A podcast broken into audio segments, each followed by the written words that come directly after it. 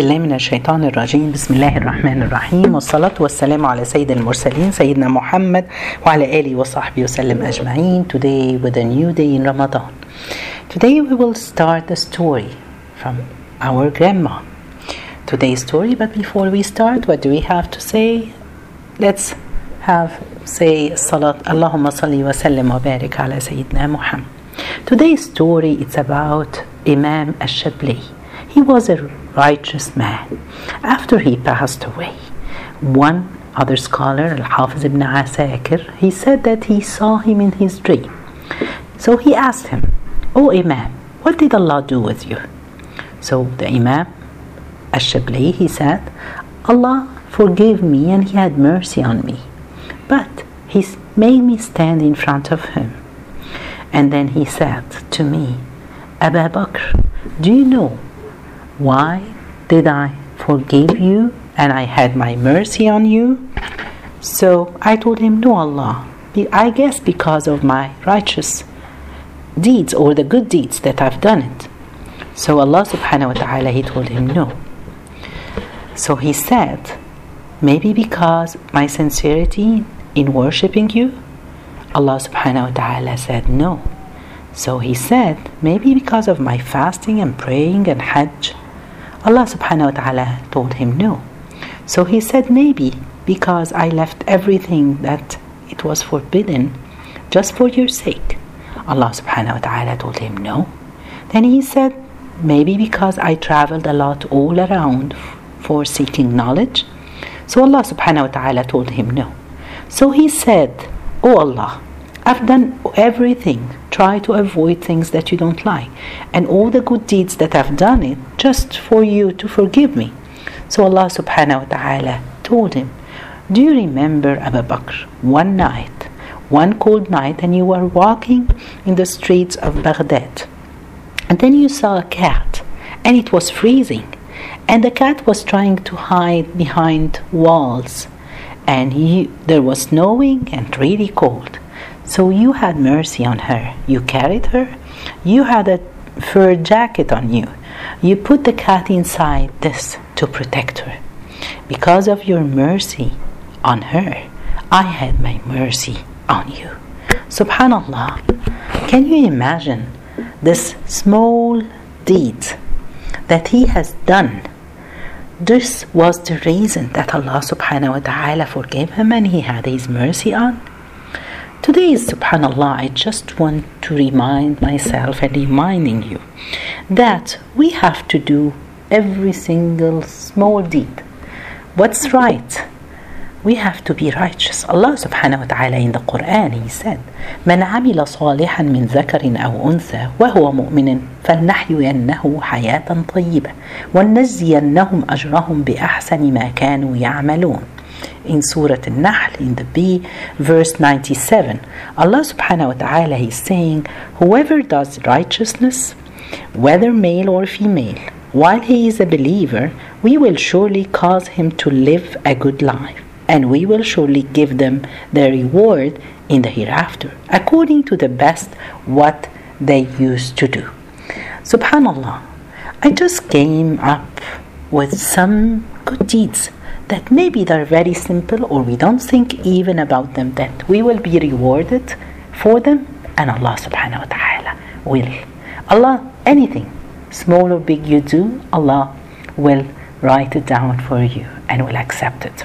For example just uh, uh, closing the door quietly if there was someone sleeping inside a room this is a kind of a good deed. If you find the food on the table and it's not covered. And you cover it so not any fly come on it or something. Or with the sunnah that the prophet peace be upon him he used always try to cover the food. So this is a good deed. When you listen to someone who came complaining to you and asking you just listening to him so that's a good deed. When you see someone and you have a nice smile on your face when you meet him, that's a good deed.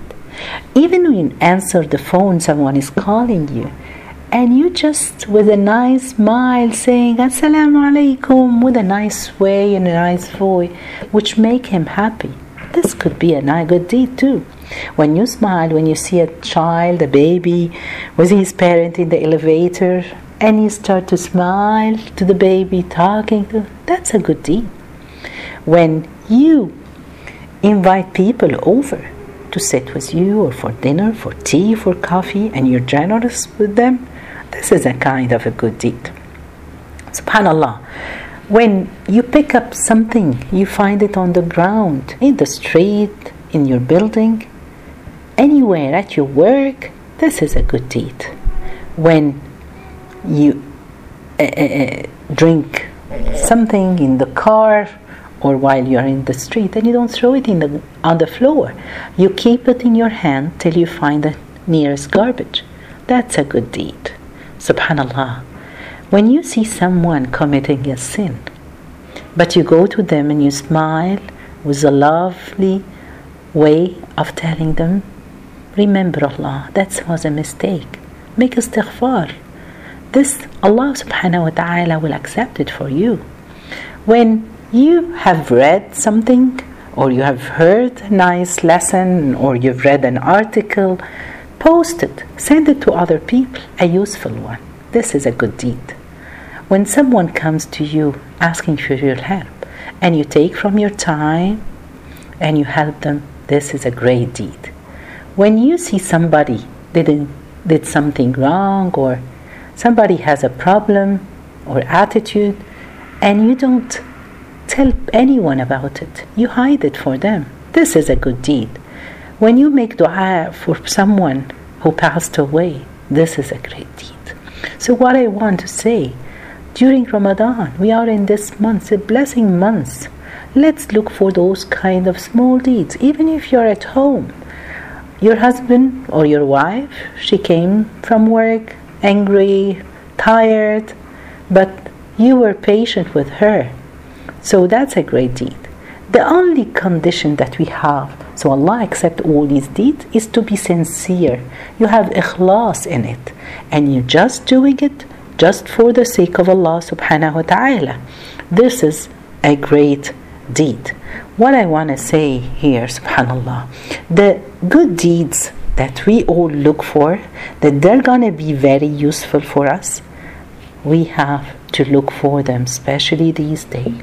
Do you remember when your parents or your grandparents they always like to say some stories about you know oh 30 years ago there was a piece of land that we would have buy it but it was very cheap for the meter for $30 for example and it was affordable the whole piece of land was for 5000 to 10000 and we afforded we could afford it at that time but we didn't buy it and now we regret it. Our friend, he bought it. Subhanallah, he is a smart guy. And they regret those things. But what's scary, or what scares me really, that we don't want to be in the hereafter in a position of regretting because at that time you cannot do anything. For them, whatever this piece of land, now they can buy it, expensive, but they still, they can but subhanAllah, on the day of judgment, when we will be standing in front of Allah and seeing the rewards from the good deeds or the righteous things that we have done and the rewards from them, we will regret that we didn't do all these things.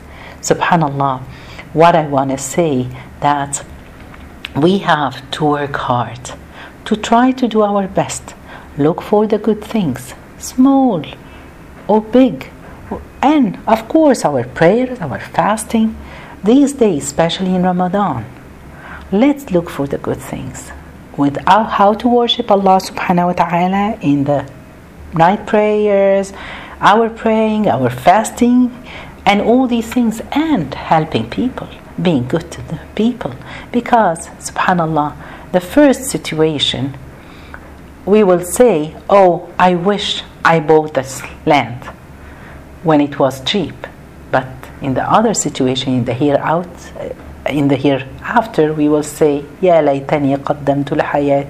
Oh, I wish I have done for my life, because this is what we will find. in the hereafter. We want to be businessman or businesswoman for the akhirah, for the hereafter. Let's be smart. Let's try to work hard with sincerity to Allah. May Allah accept all our good deeds. جزاكم الله خير سبحانك اللهم بحمدك أشهد أن لا إله إلا أنت استغفرك وأتوب إليك